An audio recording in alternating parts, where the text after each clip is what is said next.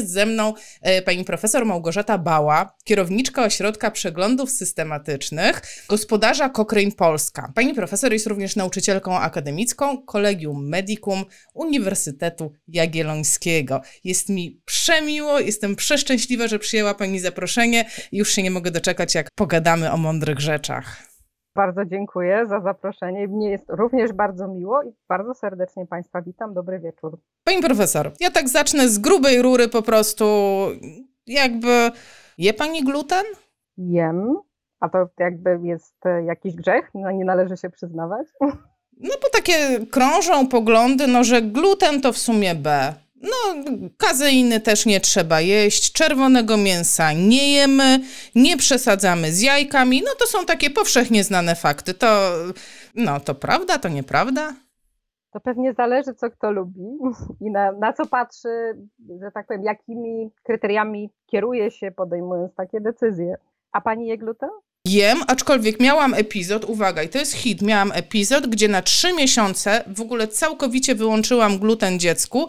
Uwaga, bo ktoś mi powiedział, że to właśnie tak trzeba i to dziecko będzie tam, nie wiem, mniej się ślinić, bo to tak, wie pani, małe dziecko ślini się, że za dużo, on tam problemy, no to trzy miesiące bez glutenu. I rzeczywiście, jak sobie teraz pomyślę, przez co ja go przepuściłam i całą rodzinę, bo to ciężko tego glutenu nie jeść, i tak po cichu się przyznam, że w międzyczasie był na biorezonansie. No naprawdę. Tak było. Moje dziecko było na biorezonansie. I dlaczego o tym mówię? Bo ja wtedy nie wiedziałam. Zaufałam specjaliście, który mi powiedział: tak, po prostu zrób to, bo ja to mam, ten sprzęt, y, zbadam ci dziecko i będzie super. I co wyszło? No, uczulenie na. No, wszystko. Gluten, czekolada, nie wiem, gruszki, ja, wszystko. Wszystko. Po prostu do wymiany. W zasadzie tak, i w zasadzie jak ja bym wzięła cokolwiek innego, telefon komórkowy i zrobiła pani badanie, to pewnie efekt byłby podobny. No właśnie, ale. Mogłabym, tak, mogłabym opowiedzieć. No tak, ale ja się o tym dowiedziałam. Musiałam odrobić swoją pracę domową, musiałam zebrać swoje informacje już jako fizjoterapeutka i dowiedzieć się, że a, istnieje coś takiego jak badania naukowe, że istnieje coś takiego jak przeglądy systematyczne, że istnieje coś takiego jak postępowanie kliniczne, to evidence-based practice, tak, że ktoś coś zbadał dla mnie, że niekoniecznie to, co piszą na blogach, może być prawdą. No zgadza się. Tu chyba miała Pani jakiś czas temu o infodemii z profesorem Płaszewskim, nie? To bardzo tak. blisko powiązane tematy, czyli jak oddzielić, czemu wierzyć, czemu nie wierzyć. No jako przedstawicielka Cochrane mówiąc o Cochrane, muszę powiedzieć o przeglądach systematycznych. No i teraz to jest tak, tak się, tak się zastanawiałam, jak to objaśnić osobom, które nie mają na co dzień do czynienia z przeglądami systematycznymi.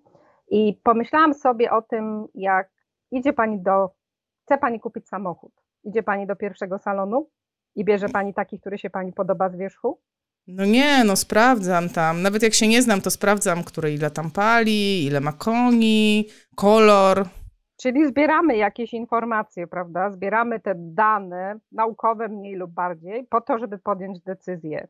I mniej więcej tak moglibyśmy opisać przegląd systematyczny, że staramy się zebrać wszystkie badania, które dotyczą tego konkretnego problemu, który sobie zdefiniowaliśmy. Stąd taki przegląd zbierając wszystkie dane naukowe, no umożliwia, umożliwia odpowiedź na takie pytanie, jakiekolwiek by ono nie było. Jeść gluten, nie jeść glutenu, jeść czerwone mięso, nie jeść czerwonego mięsa, z jakąś tam dozą pewności. No dobrze, no ale teraz jest dużo badań naukowych i tak naprawdę ja czasami obserwuję, czasami biorę udział w takich, wie pani, wojenkach internetowych, gdzie bach, ja ci tutaj badanko, zobacz, mamy świetne działanie, tutaj potwierdzone, albo te słynne tytuły, potwierdzono związek e, jabłek ze zmniejszoną śmiertelnością, tak? I cyk, już wszyscy, dobra, no to ja tam trzy jabłka dziennie i na pewno się nie pochoruję i będę żyła dłużej. No pytanie, czy to były badania na ludziach, po pierwsze. Bo często te tytuły, które są w prasie, to bazują na badaniach, które są na komórkach, albo na myszach, albo na szczurach, a od od tego do badań na ludziach i do tego, jaki jest ten efekt u ludzi, to jeszcze jest daleka droga. To jest tak, że często czytamy, że jest przełomowy jakiś sposób leczenia w jakiejś tam chorobie. No właśnie. Tylko, że badanie na komórkach. No właśnie, no ale teraz jak ja mam to rozróżnić, tak? No bo y, z jednej strony no mamy te takie badania, nazwijmy je użyteczne w moim życiu codziennym, tak? No bo ja mogę być rzeczywiście zainteresowana, czy ja mam jeść to czerwone mięso, czy ja mam go nie jeść, no ale tak zawodowo to bardziej by mnie interesowało, czy ja mam, nie wiem, w pierwszej dobie wstawać z pacjentem po udarze, czy w pierwszej dobie to ja mam go zostawić w spokoju i leżeć w łóżku. I jak w jakiś taki sposób mogę, no nie ukrywam, w miarę prosty, szukać tej wiedzy, żeby ona mnie nie przytłoczyła, bo ja umiem wpisać w PubMed, ale wyskoczy mi 24 tysiące wyników i co ja mam z tym zrobić? No, tym bardziej, że tak powiem, kieruję do Cochrane, chociaż Cochrane nie zawsze będzie miał odpowiedź na to pytanie, dlatego że tych przeglądów może jeszcze nie być zrobionych na taki konkretny temat. Pierwsze co, jak uczę moich studentów, to proszę ich, żeby sobie zdefiniowali, jakie jest ich pytanie. I to jest rzecz najważniejsza, dlatego że jak sobie zdefiniujemy pytanie, to możemy je wpisać bardziej konkretnie nawet w PubMed, albo w Cochrane, albo w jakąś inną bazę, którą będziemy przeszukiwać. I teraz to pytanie, jeśli ono by miało dotyczyć tego sposobu postępowania, to obejmowałoby opis tego pacjenta, tak? czyli co temu pacjentowi jest. Miał operację, tak? czy jakiś tam zabieg chirurgiczny, interwencją miałoby być wstanie z łóżka od razu, w porównaniu z niewstawaniem z łóżka na przykład przez jakiś tam czas. No i jaki byłby ten efekt, który chcielibyśmy zmierzyć? Czy to zakręci mu się w głowie, czy szybciej wróci do formy, czyli o co nam chodzi? Dopiero całokształt tego umożliwi nam znalezienie odpowiedzi w badania, które zostały zrobione na ten temat, o ile zostały zrobione. No to ja tutaj się troszeczkę cofnę, bo widzę nawet na czacie, e, po pierwsze, że są osoby, które w ogóle nie wiedzą, co to jest Cochrane, a ja bym poszła jeszcze głębiej. Zapytałabym się o generalnie o bazy naukowe, tak? E, czyli o miejsca w sieci, na które w ogóle warto zwracać uwagę pod kątem poszukiwania rzetelnych informacji. No bo jak wpiszę w Google, to no, dużo mi rzeczy wyskoczy i one czasami wyglądają bardzo profesjonalnie i bardzo ładnie i tak bardzo przekonująco. To gdyby miała Pani tam polecić fizjoterapeutom trzy miejsca, w których warto szukać, to co by to było? No ja myślę, że dla fizjoterapeutów to jest Pedro, prawda? To jest ta baza, która jest w tej chwili dostępna, również te zasoby są dostępne w języku polskim. Jest Cochrane, o którym zaraz powiem więcej, co to takiego jest. Trzecie miejsce Myślę, że inna, jest jeszcze jedna baza, która zawiera przeglądy systematyczne, nie Cochrane i Cochrane, nazywa się Epistemonikos. To też możemy do niej dać, dać link. I tam można znaleźć stricte przeglądy systematyczne. Dlaczego do tych przeglądów? Może zacznę od tego, co to takiego jest ten Cochrane. Super. Cochrane powstał dwadzieścia kilka lat temu. I to był pomysł takiego profesora epidemiologa brytyjskiego, który stwierdził, że to, czego brakuje w naukach medycznych, w szeroko pojętej medycynie, e, to jest takie mm, podsumowanie tego, co wiadomo na dany temat, albo użycie jakiegoś rodzaju badań konkretnego, badań z randomizacją, i też za chwilę wyjaśnię, co to takiego jest, żeby stwierdzić, czy jakiś sposób postępowania działa, czy nie. Chodzi o to, żeby zebrać wszystkie dane, podsumować i okresowo aktualizować, żebyśmy wiedzieli, na czym stoimy. Czyli co jeszcze warto badać, co już wiemy i co warto stosować. Cochrane to jest taka organizacja, która jest organizacją charytatywną, zarejestrowaną w Wielkiej Brytanii, ale działającą w wielu różnych krajach, między innymi w Polsce. I przede wszystkim zaangażowani są tam naukowcy, ale też pacjenci, pracownicy po prostu opieki zdrowotnej, dlatego że chodzi o to, żeby te pytania, czyli to, o czym opowiadałam, czyli jaki pacjent, jaka interwencja, co byśmy chcieli zmierzyć, żeby one miały znaczenie dla praktyki medycznej, żeby nie miały znaczenia wyłącznie dla naukowców, którzy chcą odpowiedzieć na jakieś pytanie, które ich nurtuje, tylko właśnie, żeby praktycy też mieli w tym swój udział, tym bardziej, żeby mieli udział pacjenci, czyli żeby te dane naukowe miały znaczenie dla tych, których dotyczą, czy mają dotyczyć, czy u których mają być stosowane. Posłużę się przykładem, ponieważ pierwsze, pierwsze przeglądy, czy pierwsze te takie zgromadzenie badań naukowych pochodzących e, no, z różnych baz danych, ze wszelakich, jakie były dostępne w latach 80., dotyczyło okresu ciąży i porodu. Zgromadzono wtedy wszystkie badania, jakie zostały zrobione na ten temat. Wtedy tak się dało, teraz to już by było trudno. Zrobiono przeglądy systematyczne, czyli oceniono wszystkie interwencje, które ówcześnie były stosowane, i co się okazało? Około 50% z tych interwencji, które ówcześnie stosowano w szpitalach, nie ma żadnych danych naukowych na to, że przynoszą jakikolwiek efekt. Jakikolwiek, a niektóre były nawet szkodliwe.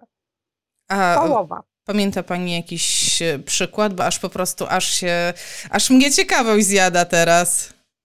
Z tych przykładów, które, które odszukałam, e, to było to, co jeszcze jakiś czas temu stosowano w polskich szpitalach, czyli rutynowe nacinanie krocza. Na przykład. E, jest z innych przykładów, takich, które były, dla których nie wiadomo, jaka jest skuteczność, to wiele z tych suplementów, które kobiety w ciąży mają przepisywane lub stosują, nie do końca jest potwierdzone, że one przynoszą jakikolwiek efekt dla dziecka. Mm, wtedy była, był taki zwyczaj, że dzieci oddzielano od matek. Też pokazano, że to nie jest dobry pomysł. E, przegląd, który jest w logo Cochrane, to jest przegląd, który dotyczy stosowania tych leków glikokortykosteroidów u kobiet, które są zagrożone przed wczesnym porodem. I okazało się, że przynosi to bardzo y, dobre korzyści dla dzieci, czyli że jakby mają mniej powikłań, jeśli matki stosują e, zagrożone przedwczesnym porodem, stosują e, takową interwencję. Także e, tam była cała lista 458 interwencji, które zostały poddane wtedy analizie.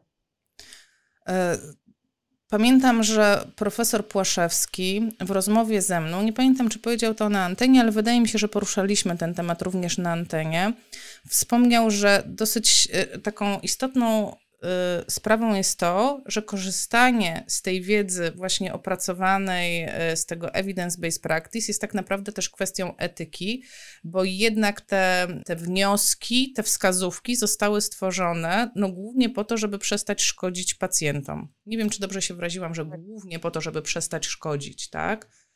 Znaczy wskazówki to jest jakby kolejny etap, tak? Czyli przeglądy podsumowują nam, co wiemy na jakiś tam temat i z jakim tym stopniem pewności. Następnym krokiem jest, jest stworzenie wskazówek albo wytycznych, zaleceń, rekomendacji.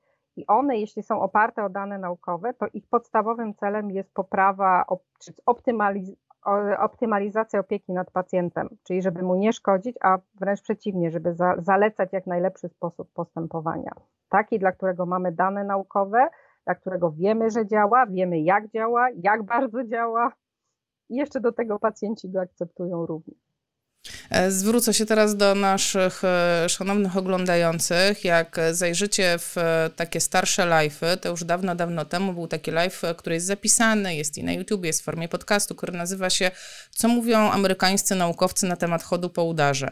I to jest właśnie live, wprost po prostu omawiający wytyczne Amerykańskiego Stowarzyszenia Fizjoterapii na temat terapii chodu u pacjenta przewlekłego. I to jest właśnie, to jest, to jest wprost to. I na przykład przy, to jest taka ciekawostka, bo nam nie zawsze to, co znajdziemy w wytycznych się podoba. To jest ten kłopot. Na przykład właśnie w tych wytycznych, które ja omawiałam, dlatego o nich nagrałam odcinek, było napisane, że nie sprawdza się egzoszkielet, nie sprawdza się robotyka. I, ale jak to? No przecież my to robimy. To są takie rzeczy, po prostu ośrodki się szczycą, że mają te, e, te, te egzoszkielety. No a tutaj przegląd mówi, a nie warto, nie róbcie. Silne, silna rekomendacja, nie robić. No właśnie. I to jest tak, że widać te dane naukowe są tak, wskazują bardzo mocno na to, że nie ma, nie ma uzasadnienia dla tego sposobu postępowania. No, ale z drugiej strony, ja tutaj będę troszeczkę drążyć, będę troszeczkę takim adwokatem diabła, no bo y, tak jest. Jak czytam takie dane, to teraz sobie myślę, Hmm, czy ja w ogóle mogę ufać tym naukowcom? Kto to w ogóle robił? To na pewno sponsoruje jakaś Big Pharma, to nie może być prawda. To na pewno tak nie jest. E, co by pani powiedziała osobie, która szczerze wierzy w to, że wszystkim rządzi, rządzi Big Pharma, oni wszystko to sponsorują i w ogóle nie ma bata, tylko działają, nie wiem, świeże, nowe leki i to wszystko. Znaczy, to jest tak, że też udowodniono w badaniach empirycznych, że ma znaczenie, kto finansuje badanie to rzeczywiście jest udowodnione, że konkluzje czy wnioski z badań, które są finansowane przez źródła komercyjne, będą zawsze, czy są zwykle bardziej optymistyczne dla tego ocenianego sposobu postępowania, niż jeśli to są źródła niekomercyjne.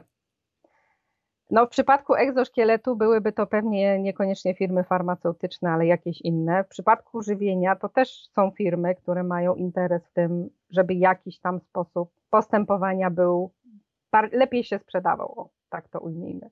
Natomiast w żywieniu jeszcze nie ma, nie ma dowodów na to, że tak to działa. W fizjoterapii też nie widziałam, żeby takie badania były robione, ale nie sądzę, żeby mogło być inaczej niż jest, niż jest we wszystkich pozostałych działkach medycyny. Z tym, że tu u państwa może być taka sytuacja, że no to jakby wiadomo, będzie sponsor komercyjny, ale tu może być też konflikt interesów związany z, tak jak w dietetyce, z przekonaniami o właściwości, że dany sposób postępowania jest jedyny właściwy. No ale czy na to nie powinno poradzić zaślepienie, tak? W ogóle ja bym, ja bym poprosiła, żeby pani takim, tak, tak poukładała nam to w głowach. Co to jest to zaślepienie, co to jest ta randomizacja, w ogóle co to jest, co to oznaczają te wszystkie trudne wyrazy, jak ja czytam, przegląd, metaanaliza, randomizowane badanie. Nie, no w ogóle to jest za trudne. A może nie? Może zacznijmy od tego. Posłużę się przykładem takim z życia codziennego, tak? Najczęściej y, z, e, ucząc studentów tłumaczę to na przykładzie żurawiny. Przychodzi do pani babcia i mówi o tym, że e, miała zapalenia pęcherza moczowego, przestała mieć, bo zaczęła pić sok z żurawiny. Czy jest pani przekonana, że to, że ona przestała mieć zapalenia pęcherza moczowego, możemy przypisać działaniu soku z żurawiny? No jak nie piła, a teraz pije i nie miała, a teraz ma, no brzmi no naprawdę bardzo sensownie. Przekonująco, prawda? Tak. No ale teraz popatrzmy na to, czy jakaś, e, jakiś inny element jej życia mógł wpłynąć na to, że ona przestała mieć te zakażenia układu moczowego, czyli czemu jeszcze moglibyśmy ten efekt przypisać? No, znając babcię, absolutnie niczemu, to ten sok. No jak to? A może przeprowadziła się do córki, do Warszawy? Mogło tak być. Albo zmieniła dietę, bo lekarz rodzinny jej poradził, że powinna schudnąć, albo zaczęła więcej pić, albo zaczęła się więcej ruszać, albo cokolwiek jeszcze innego. Czy to jest tak? ta... Mamy wiele różnych czynników, które mogły w gruncie rzeczy tak samo prawdopodobnie spowodować ten efekt. Ja bardzo lubię e, taki przykład, który podała Janina Bąk. Ja go zacytuję, a pani mi powie, czy to jest adekwatny przykład, czy ja to dobrze rozumiem. Janina najczęściej podaje taki przykład w swojej książce, gdzie e, liczba, e, liczba śmierci liczba utonięć konkretnie koreluje e, z ilością zjadanych przez ludzi lodów. I czy w związku z tym możemy wywnioskować, że jak ludzie jedzą dużo lodów, no to mają większą skłonność do utonięcia. No ale tam po drodze jest właśnie ten słynny czynnik taki dodatkowy, no że to wszystko dzieje się jednak latem. A latem i wiemy więcej lodów i częściej jednak kąpiemy się w jeziorach. Niekoniecznie te lody powodują te, e, te utonięcia. No i teraz, czy to jest to właśnie? Czy to jest ta babcia, która ma ten, czy, czy to jest właśnie ten czynnik gdzieś gdzieś jakiś, tak? Znaczy, tu, gdybym chciała już wchodzić w szczegóły, to jest jeszcze inna sprawa, ale bo to jest, nie wchodząc w szczegóły, badanie na danych, które są jakby wysoko zagregowane, czyli mamy te dane, widzimy jakie, nie wiem ile jest, tak samo jak palenie, nie wiem, rzucają palenie po nowym roku, mniej ludzi pali, prawda, bo wszyscy rzucają palenie. To mniej więcej na tej, na tej zasadzie, gdybyśmy robili badanie w styczniu. Natomiast tu chodzi o to, że w gruncie rzeczy, mając jedną obserwację pojedynczą, e, my w gruncie rzeczy nie jesteśmy w stanie powiedzieć, czy ten efekt, który widzimy, możemy przypisać temu czemuś, co ta osoba wskazuje, czy może to być coś innego. No bo może każdy inny z tych czynników, które ja wymieniłam, a moglibyśmy wymieniać je jeszcze długo, mógłby być odpowiedzialny za to, że ta babcia przestała mieć zakażenia układu moczowego. Ale teraz... I teraz mhm. jakby patrzymy dalej, że um, chcielibyśmy móc to porównać z grupą kontrolną, tak? I teraz y, moglibyśmy porównać tych jedzących lody do niejedzących lodów i zobaczyć, czy rzeczywiście jest tak, że jedzący lody częściej toną niż niejedzący lodów, tak? Czyli tu też nam brakowało grupy kontrolnej w tym przypadku. No i teraz powiedzmy, że mamy jedną babcię, która pije, drugą babcię, która nie pije. No i teraz mamy grupę kontrolną, no ale powiedzmy, że ta, która pije, jest lepiej wyedukowana, mieszka w jakiejś takiej, e, no nie wiem, ma dzieci, które są dobrze wyedukowane, lekarze, a ta druga ma, e, dzieci gorzej wyedukowane, mieszka w jakimś takim y, bagiennym klimacie, gdzie po prostu częściej są zakażenia układu moczowego. I znowu mamy różnicę między nimi, która nie wskazuje na to, że ten efekt, który widzimy, to będzie efekt szoku z żurawiny. Bo to nie dlatego ona nie ma, że pije sok z żurawiny, znaczy być może dlatego, ale my tego nie wiemy. Więc jedyny sposób, żebyśmy mogli zobaczyć, czy ten efekt, który widzimy, możemy przypisać, czy możemy powiedzieć, że odpowiedzialny za niego jest sok żurawiny, jest, gdybyśmy te babcie przydzielili losowo. Całkowicie losowo, czyli rzucali monetą, czy ona będzie pić sok żurawiny, czy nie będzie pić soku żurawiny. Na tym polega randomizacja. Jeszcze... Czyli, że każdy pacjent, tak, osoba wchodząca do badania ma takie samo prawdopodobieństwo, że dostanie leczenie aktywne albo, albo kontrolne. Ale wie Pani co, ja mam taką refleksję i to jest okropna refleksja. Każdy z nas jest tą babcią. Mam na myśli, że każdy z nas, fizjoterapeutów, jak ja przyjmuję w gabinecie pacjenta, to ja jestem tą babcią. Bo jedyne, co ja mam y, jako moje y, badanie, tak, mojej skuteczności, jest to, czy temu pacjentowi się poprawiło, to, kiedy on zrealizował to, co ja mu zaleciłam, czy tam, co tam ja z nim zrobiłam, albo mu się nie poprawiło. No przeważnie, no ja jednak chcę mu wierzyć w to, że się poprawiło, bo nawet jak nie przyszedł drugi raz, no to znaczy, że wyzdrowiał. No to jest jasna sprawa, prawda? Chyba każdy o tym wie, że jak mhm. pacjent nie wraca, to na pewno zdrowy. To też jest takie ciekawe. I, A może gorzej się poczuł? Niemożliwe. To w ogóle nie bierzemy tego pod uwagę. No, ja trochę się, trochę się naśmiewam, no ale to trochę tak jest. Jak ja jestem sama ze sobą, no to ja mam praktycznie y, no, bardzo słabe warunki do tego, żeby wiedzieć, czy to, co ja robię, ma sens. No tak, ale znowu tutaj wracamy do tego, co oznacza, że się pacjentowi poprawiło. Bo może pacjent dostał podwyżkę i dlatego mu się poprawiło w pracy. Albo y, spłacił kredyt i dlatego mu się poprawiło, poczuł się lepiej ogólnie. A nie dlatego, że zadział ten, zadziałał ten konkretny sposób postępowania.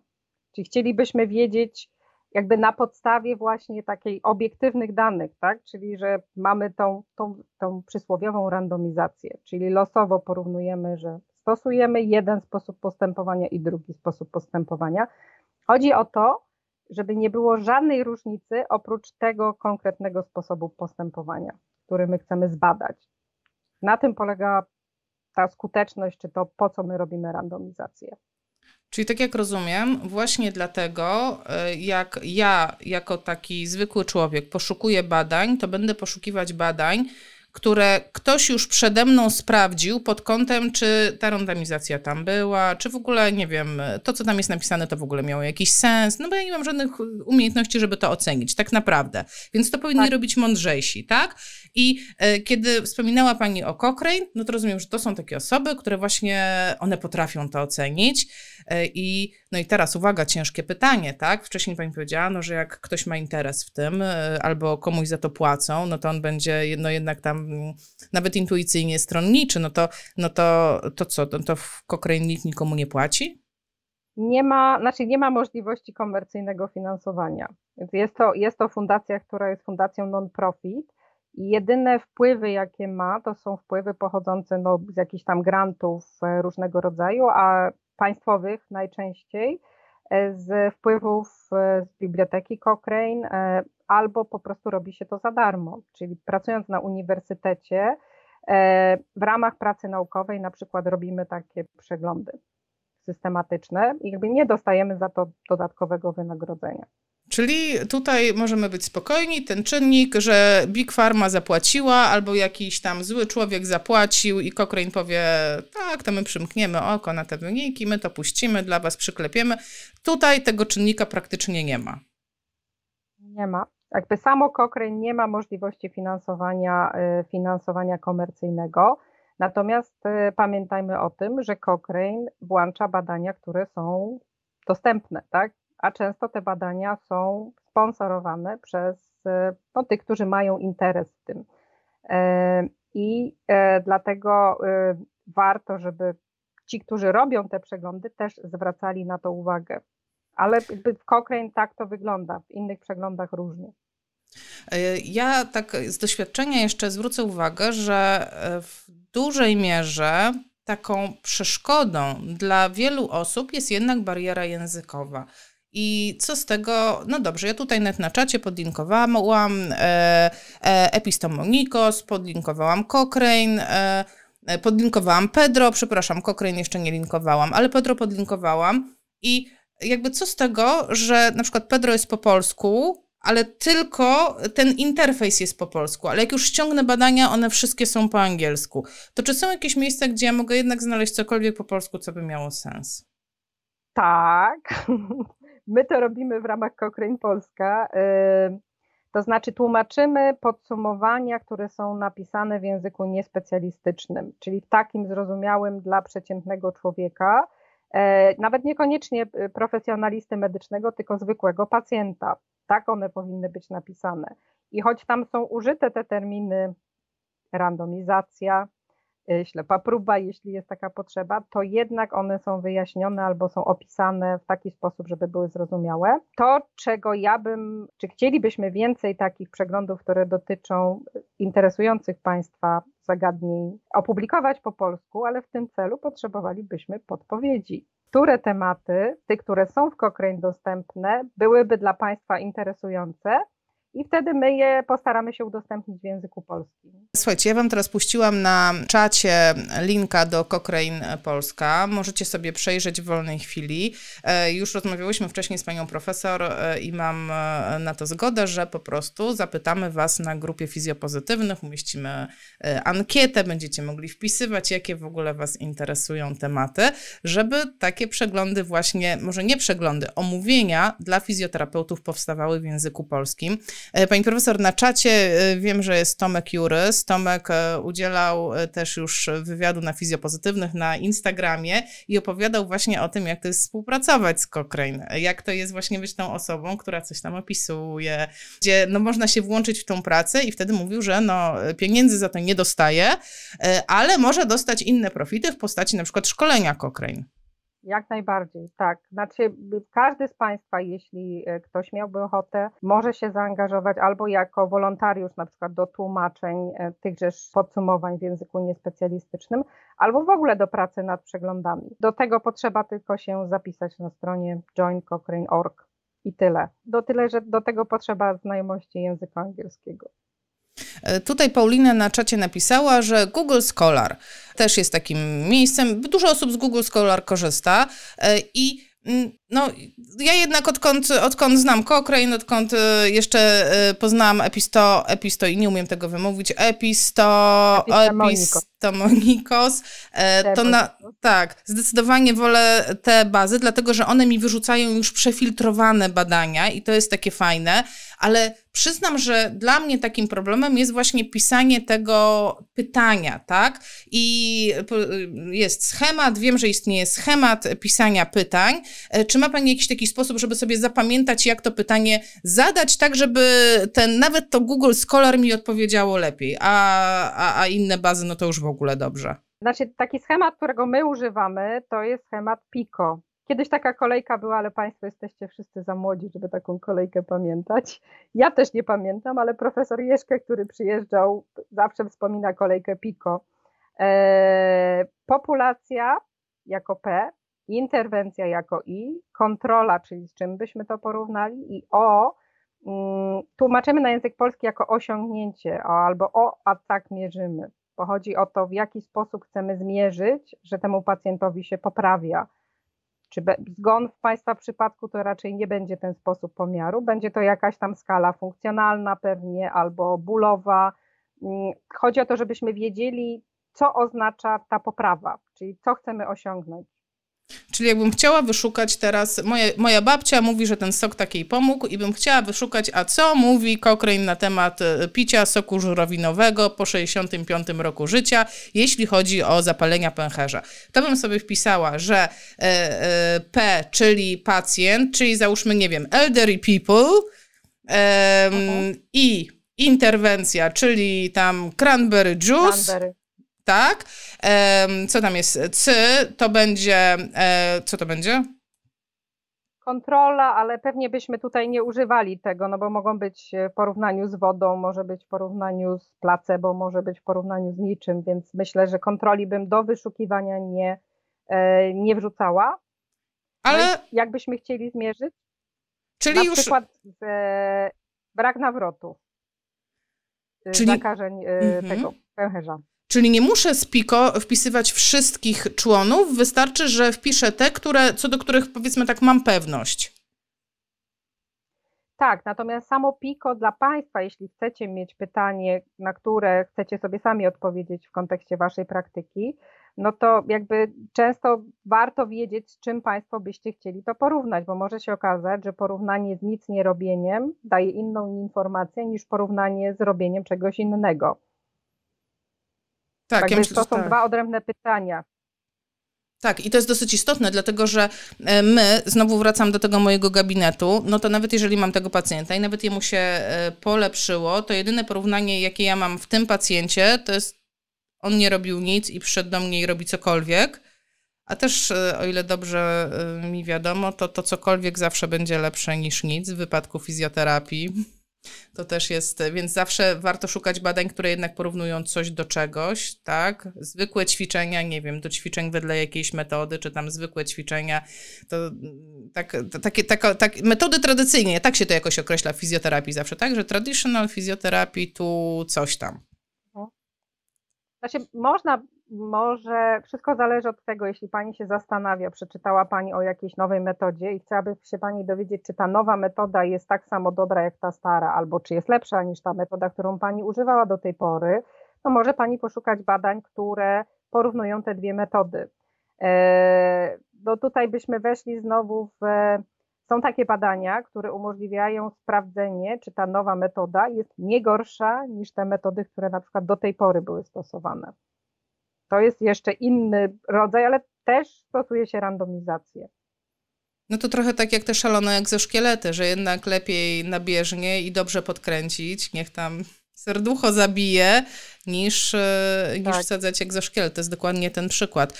A e, tak jeszcze się zapytam, dlatego że e, Cochrane generalnie zajmuje się szeroko pojętą medycyną, tak? Tak jak ja to rozumiem. To ja nie znajdę tam badań na temat, e, nie wiem, jakie, e, jakie modele reklamy będą skuteczniejsze na Facebooku, jeśli chcę dotrzeć do grupy tam, nie wiem, siedmiolatków. Cochrane chyba nie, aczkolwiek gdybyśmy chcieli reklamować im spożycie warzyw i owoców, to myślę, że moglibyśmy znaleźć coś w Cochrane.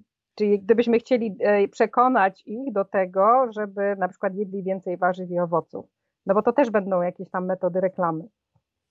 E, bo do czego dążę? Chciałam też jakby zaznaczyć, że mamy coś takiego jak Rehabilitation Cochrane, tak? Że jest cała, cały dział Cochrane, który się koncentruje tylko na rehabilitacji. Ja to lubię tak sobie pomyśleć, że tam siedzi takie grono naukowców i oni nic innego nie robią, tylko myślą, kurczę, co by w tej rehabilitacji tam można jeszcze ulepszyć? Dobra, to zbierzmy badania, a zobaczymy, co tam, nie wiem, na udar najlepiej działa. I oni tam siedzą, stukają godzinami, a potem bach, my dostajemy taki newsletter i no właśnie, żeśmy tutaj zbadali, że interwencja A to tak, a interwencja B to niekoniecznie. E, no, myślę, że aż tak to nie jest, aczkolwiek e, wiem, że ostatnio oni organizowali, ten Cochrane Rehabilitation organizował jakieś takie webinary, które zbierały i pacjentów, i profesjonalistów medycznych po to, i jakby nie tylko fizjoterapeutów, ale wszelakich, po to, żeby zbudować jakiś taki model i zobaczyć, gdzie już wiemy, w opiece po udarze, a gdzie jeszcze potrzebujemy zrobić przeglądy, badania, czyli jak ugryźć ten temat z której strony, czyli jak zadać te pytania, żeby one miały znaczenie. Tak, ja nawet przyznam, że ja byłam na tym webinarze, który był organizowany i y, powiem, co mnie zaskoczyło na maksa, ponieważ było to w języku angielskim, było to na międzynarodowej stronie ogłoszone, było absolutnie otwarte dla wszystkich. Każdy mógł się zapisać i przyjść na ten webinar. I przyszły z całego świata, uwaga, 50 chyba dwie osoby z prowadzącymi, czyli to nie wiem, 47 tak zainteresowanych. Tak sobie myślałam, matko, tam takie fajne rzeczy pokazywali. Tam y, cały jakby model opieki, jakby nowa definicja modelu opieki pacjenta po udarze. I ja wszystkim mówię, e, zapisujcie się, zapisujcie się na newsletter. One przychodzą. Tych newsletterów nie ma Cochrane dużo. On przychodzi, nie wiem, raz w miesiącu. No nie ma tego dużo. Tam jest konkret, można sobie przeczytać, tylko że to po angielsku przychodzi. One nie przychodzą chyba po polsku, ile dobrze kojarzę. Nie, nie, nie, nie, nie. Tu też, gdybyście Państwo chcieli, to myślę, że dałoby się zorganizować e, w porozumieniu z grupą Cochrane, żeby spróbować właśnie taki polski newsletter zrobić.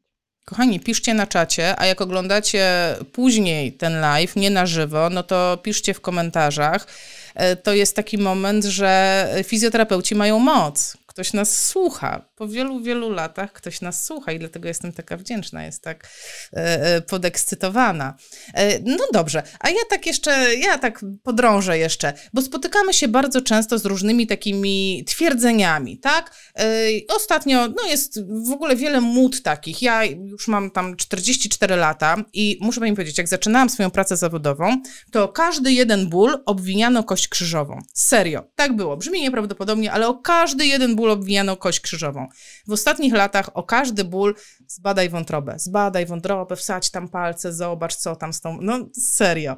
E, teraz jest moda na powieść, tak? No to weź tam, sprawdź sobie, jaka jest ruchomość, wypalpuj tego pacjenta. I jak ja jestem pośrodku tego wszystkiego, to kurczę, czym ja mam się kierować? W ogóle jak ja mam się e, zastanowić nad tym, które twierdzenie w ogóle ma jakąkolwiek rację bytu? Zweryfikować metodami obiektywnymi. Czyli jakby poszukałabym przeglądu systematycznego, który by odpowiadał na to pytanie konkretne, czyli mówimy o metodach powięziowych, pewnie bym poszukała jakiegoś przeglądu. E, jeśli jest w Cochrane, to w Cochrane, jak nie, to w Epistemonikos. E, natomiast no, są też takie metody, które umożliwiają zrobienie badań we własnej praktyce, tylko no, to wymaga, wiadomo, jakiejś takiej biegłości niejakiej e, w, w robieniu badań. To są badania z randomizacją pojedynczego przypadku. Funkcjonuje coś takiego i wydaje mi się, że um, fizjoterapii mogłoby to mieć jakieś zastosowanie. Um, polega to na tym, może tak, nie w każdej chorobie da się to zrobić. Musi to być choroba przewlekła i taka, w której ten efekt zobaczymy po jakimś czasie. Nie może to być efekt zbyt odległy, no typu, nie wiem, zgon albo odległe tam powikłania, no bo to jakby nie da się tego zrobić. Musimy zaplanować randomizację kolejności leczenia, czyli chcemy porównać dwie metody, trzy metody i losowo przydzielamy pacjenta do kolejności stosowania tych metod mm, i potem kilka, e, kilka, kilka razy stosujemy każdą z tych metod i potem sprawdzamy, jak wygląda sytuacja. Te badania noszą nazwę, po polsku to nawet chyba nie ma, N, e, N1 Randomized Control Trials w języku angielskim. Czyli można by powiedzieć badania z randomizacją pojedynczego przypadku. E, piszą w mądrych książkach, że może być tak, że pacjent może być mocno nastawiony na jakiś tam sposób postępowania i to może się okazać jedyna metoda, żeby mu pokazać, że to jednak nie działa, albo że działa. Tego nie wiemy. Chodzi o to, żeby za, przypilnować wszystkich tych metodologicznych aspektów robienia takiego badania. Dlatego myślę, że nie cieszą się taką dużą popularnością, bo wymagają zaplanowania, wymagają e, dochowania wszystkich, e, wszystkich, dopilnowania wszystkich aspektów metodologicznych, natomiast umożliwiają od, odpowiedź na pytanie, czy ta metoda u tego pacjenta działa. Czyli jakbyśmy to przełożyły na taki przykład. Przychodzi pacjent z bolesnym łokciem. No i teraz będą frakcje osób, które będą mówiły fala uderzeniowa, tylko falę uderzeniową, jak fala uderzeniowa po prostu zastosowana znika jak ta lala. No ale drudzy będą, nie, nie, tylko tutaj trzeba masaż zrobić, poprzeczny masaż, tutaj te więc, e, ścięgna wszystkie przemasować, zniknie stan zapalny, będzie super, a będzie trzecia grupa, która powie, nie, nie, nie, e, tylko powięziówka i trening funkcjonalny. To w tym momencie ja mogę, e, tak żebym sobie to poukładała w głowie, mam tego pacjenta i ja mogę tak jakby wylosować, która z tych interwencji będzie pierwsza i sprawdzić. Tak, warunkiem byłoby to, że po tej interwencji e, będzie możliwy powrót do takiego jakiegoś stanu podobnego, jaki był na samym początku. Czyli, że jeśli my zastosujemy jakiś sposób leczenia, tak, to jeśli chcemy porównać, to musimy mieć jakiś punkt odniesienia. No i teraz, jeśli my zastosujemy jakąś metodę, która ewidentnie pomoże, to już nie wrócimy do tego stanu, który był wcześniej. No dobra, ale wtedy będę wiedziała, że to pomogło. Ale w ogóle to jest genialne. Po prostu to jest genialne. Przecież my mamy na NFZ, uwaga, pacjentów bumerangów. Dwa razy do roku. On jest od 20 lat to samo. No aż się prosi, żeby co pół roku coś innego mu zrobić i sprawdzić, co zadziała. Tak, ale obiektywnymi metodami sprawdzić, czy działa, tak? Czyli e, taki sam sposób, nie wiem, pacjent zapisuje w dzienniczku, cokolwiek, w jakikolwiek sposób Państwo będziecie chcieli zmierzyć, że to działa, to trzeba to zrobić w sposób obiektywny, ale jakby całe zaplanowanie tego badania to nie jest takie proste. Trzeba to zaplanować jak każde inne badanie z randomizacją. Czyli trzeba odrobić swoją pracę domową, dowiedzieć się, jak to się robi. Tak mówiąc po prostu y, ogólnie. No ale tak. bardzo kuszące. Nie, nie da się inaczej. To jest kuszące, prawda? Tak, myślę, że jakbym pracowała wciąż na, w ramach NFZ, to bym zaczęła to robić. Po prostu od dzisiaj, chociażby dla własnej frajdy. Już tam pies gonił te badania, ale po prostu, żeby przetestować. A w tym rzucie to tylko tam coś robimy, a w następnym to zupełnie coś innego. Ale pamiętam właśnie, że w, na NFZ takim dużym, dużym czynnikiem było to, że pacjenci się przyzwyczajali do tego, co dostawali i do tego, co było miłe i twierdzili, że pomaga im tylko to, co było miłe. No to czyli co? No masażyk. No masażyk najlepiej pomagał. Więc to było takie. Hmm. No wiadomo. Tak. E, rozmawiałyśmy wcześniej, e, tak troszeczkę zmienię temat, e, ponieważ dzisiaj bardzo tak muszę pilnować czasu z różnych względów, ale rozmawiałyśmy wcześniej o generalnie o, no, o badaniach naukowych, o tym, co jest prawdą, o tym, co jest nieprawdą. I dostałam od pani takie linki do stron, gdzie są materiały edukacyjne, uwaga, już dla dzieci, są konspekty prowadzenia, um, prowadzenia zajęć z dzieciakami, które uczą od dziecka, jak rozróżnić, czy to, co ktoś mówi do mnie, to w ogóle ma sens. Ja w ogóle chcę powiedzieć, że jak cokolwiek mojemu synowi każe zrobić, nie wiem, wejść, zjedz kanapkę, to on mi mówi, czy mam na to badania teraz. Wkręcił się totalnie. Super. Y, tak, to są materiały, e, znaczy jest, e, zaczęliśmy od takiej książki, która się nazywa Testing Treatment. Ona była przygotowana przez jednego z takich profesorów, który jeszcze z tym Archie Cochrane'em, którego wspominałam, współpracował. I on napisał taką książkę, która dla pacjentów właśnie tłumaczyła, na co należy zwracać uwagę, jak mówią ci, że coś tam działa. Tak? Że mogą cię okłamać, e, mogą cię zmanipulować, może nie okłamać wprost, zmanipulować. Dawniej jeszcze były dozwolone reklamy leków, e, więc tam były różne możliwości manipulacji informacji, teraz e, to już nie jest takie proste. Mm, natomiast te materiały dla dzieci rzeczywiście są fantastyczne. Jest ta strona That's a Claim, którą, którą pani podesłałam, i tam są materiały dotyczące nie tylko zdrowia, ale też różnych innych aspektów Chodzi generalnie o krytyczne myślenie. I, I krytyczne podejście w ogóle do informacji. Czy myśli Pani, że można zastosować te materiały, żeby bardziej krytycznie patrzeć na to, co my wybieramy? I teraz już tłumaczę.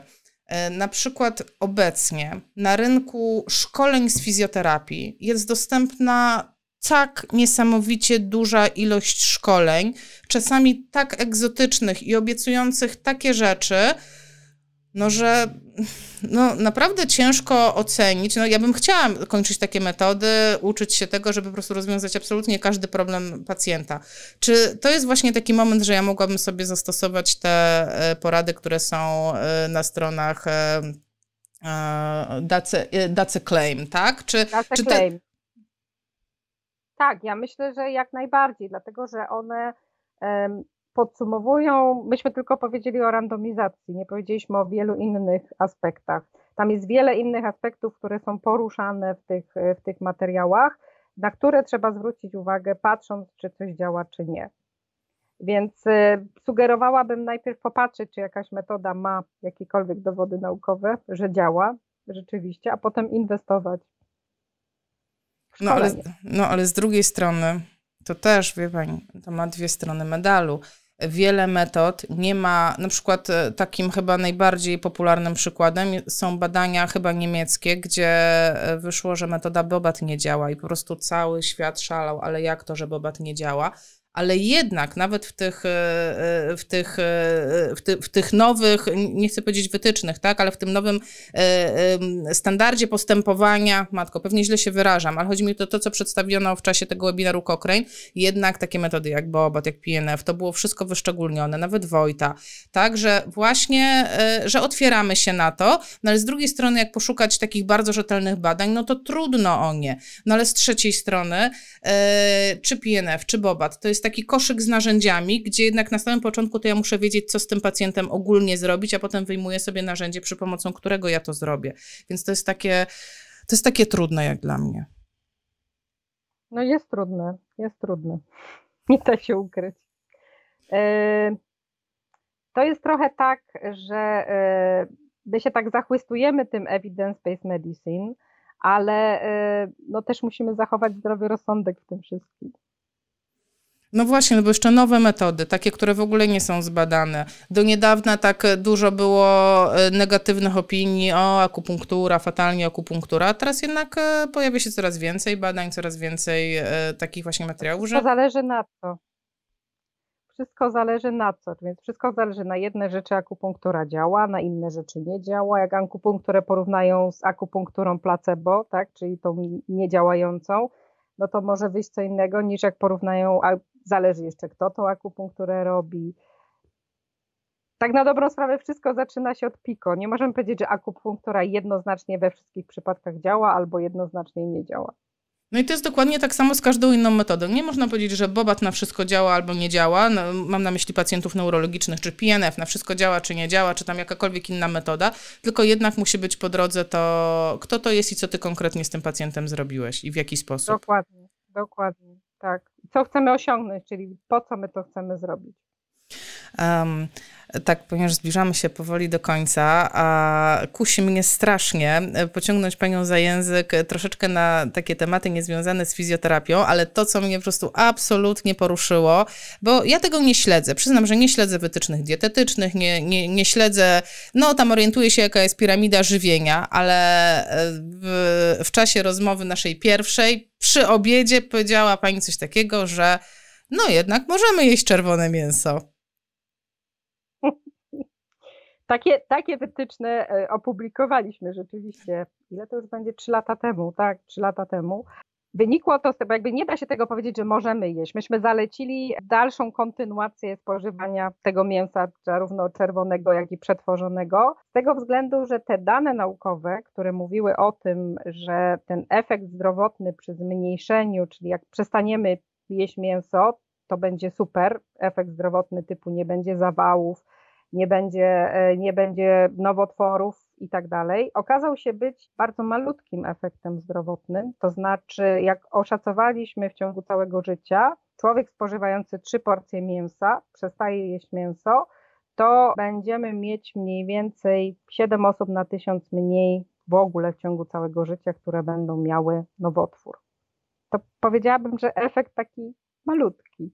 Tak, mój mąż z drugiego pokoju pozdrawia panią serdecznie za te stejki wszystkie, które, które będzie mógł spożyć bez wyrzutów sumienia, ale to jest w ogóle hit, bo jak się śledzi takie rzeczy, no to na przykład ostatnio na grupie dietetycznej dowiedziałam się, że margarynę trzeba jeść, że właśnie nie, że margarynę odrzucamy, a jemy masło, tylko odwrotnie. Teraz już wiemy, że właśnie ktoś to zbadał, margaryny są inne niż 20 lat temu, jemy margarynę, nie masło. Są jeszcze jakieś takie perełki? No jest mnóstwo takich, natomiast niestety te zalecenia żywieniowe często są oparte na, nie wiemy na czym. Po prostu pokazują nam piramidę i mówią, że tak trzeba robić. Często jest, e, też w Stanach Zjednoczonych zaczął się taki ruch e, prześwietlający, a jak te wytyczne są zrobione, a kto je robi, a dlaczego tak, a jakie są dane naukowe za tym stojące. E, no i tu jakby to czerwone mięso, te dane naukowe były tak słabe, że my jakby nie powiedzieliśmy, że należy jeść mięso. Myśmy powiedzieli, że można kontynuować to spożycie, które się ma. Bo jeszcze mamy rozróżnienie w wytycznych, że należy coś zrobić, czyli tą silną rekomendację, tak jak tutaj, że te egzoszkielety nie należy stosować, tak? Albo słabą rekomendację, że można coś robić. Więc w ogóle te wytyczne chcielibyśmy, żeby były robione tak, żebyśmy wiedzieli, kto je robi, jakie dane naukowe tam są. No i teraz jesteśmy w trakcie opracowania kolejnych dotyczących tłuszczy.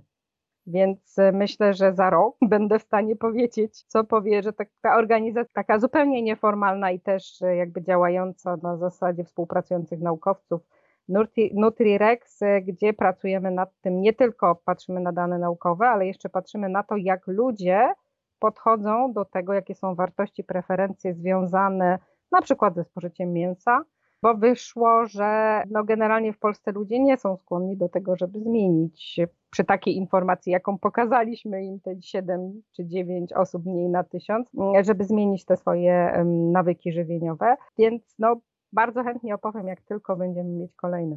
Wspaniale. Bardzo dziękuję. Pani profesor, takie pytanie na koniec. Jak są z nami osoby, które pomyślą sobie, zasadniczo tak, chciałbym, czy chciałabym się wesprzeć w swojej praktyce badaniami naukowymi. Jaki jest taki pierwszy krok? Jedna rzecz, która po prostu nie przytłoczy, od razu nie załamie mnie, nie wiem, strukturą PICO i randomizacją. Jaka jest taka pierwsza rzecz, którą można zrobić, żeby być chociaż kroczek bliżej do evidence-based practice? Jest, e, tylko zastanawiam się, to jest w języku angielskim. Bardzo taki fajny filmik na Cochrane, pokazujący, co to są przeglądy systematyczne, ale takim zupełnie, zupełnie prostym językiem, nie, po, nie używającym żadnych terminów typu randomizacja i tak dalej. E, tyle, że ten filmik jest w języku angielskim. E, ale jest to taki język angielski, wydaje mi się, zrozumiały dla wielu osób. E, ja kieruję cały czas w kierunku tych przeglądów systematycznych, bo nie ma potrzeby, żebyście Państwo zaglądali do pojedynczych badań jeśli jest taki przegląd gotowy, bo to ktoś za Was to zrobił. Nie trzeba się kształcić. E, czyli nie trzeba się edukować, jak to, jak to ocenić, jak popatrzeć na dane badanie. E, I jakby zrozumienie, jaka to jest informacja pochodząca z przeglądów, wydaje mi się, że ułatwi Państwu życie zdecydowanie. To może być pierwszy krok, zrozumienie, co to jest, a potem w jaki sposób mógłbym to zastosować. Czyli um, czy mój pacjent jest taki sam, jak ci pacjenci, którzy byli? Czy mój pacjent jest inny niż ci pacjenci, którzy byli? Czy ta, ta interwencja będzie u niego działać inaczej? Nie, nie kieruję w stronę robienia badań samodzielnie, bo to, bo to może być trudne. Um, wytyczne postępowania, ale takie, które wiemy, jak zostały zrobione, E, które powinny mówić: rób to, nie rób tego, możesz robić to, możesz tego nie robić. E, czyli takie, jak Państwo udostępniacie też na stronę, przez stronę projektu. E, bo, to są dane, które dla Państwa jako praktyków wydaje mi się będą takie bardzo użyteczne. Fantastycznie. Zachęcam wszystkich, zajrzyjcie na stronę Cochrane, znajdźcie filmik, obejrzyjcie i zawsze to będzie krok do przodu. Ja pani profesor bardzo dziękuję za dzisiejszy wieczór. Będzie ankieta na fizjopozytywnych, także zapytamy was, jakie byście chcieli omówienia przeklądów po polsku, jakie was interesują tematy związane z fizjoterapią, z rehabilitacją, co jest dla was ważne, bo to jest końcu w interesie no przede wszystkim pacjentów, ale również nas. Pani profesor, bardzo, bardzo dziękuję za dzisiejszy wieczór. Mam nadzieję, że nie ostatni na fizjopozytywnych. Mam nadzieję, że dużo osób skorzystało i, i jeszcze raz serdecznie, serdecznie dziękuję. Ja również dziękuję. Też mam nadzieję, nie ostatni raz. Do zobaczenia.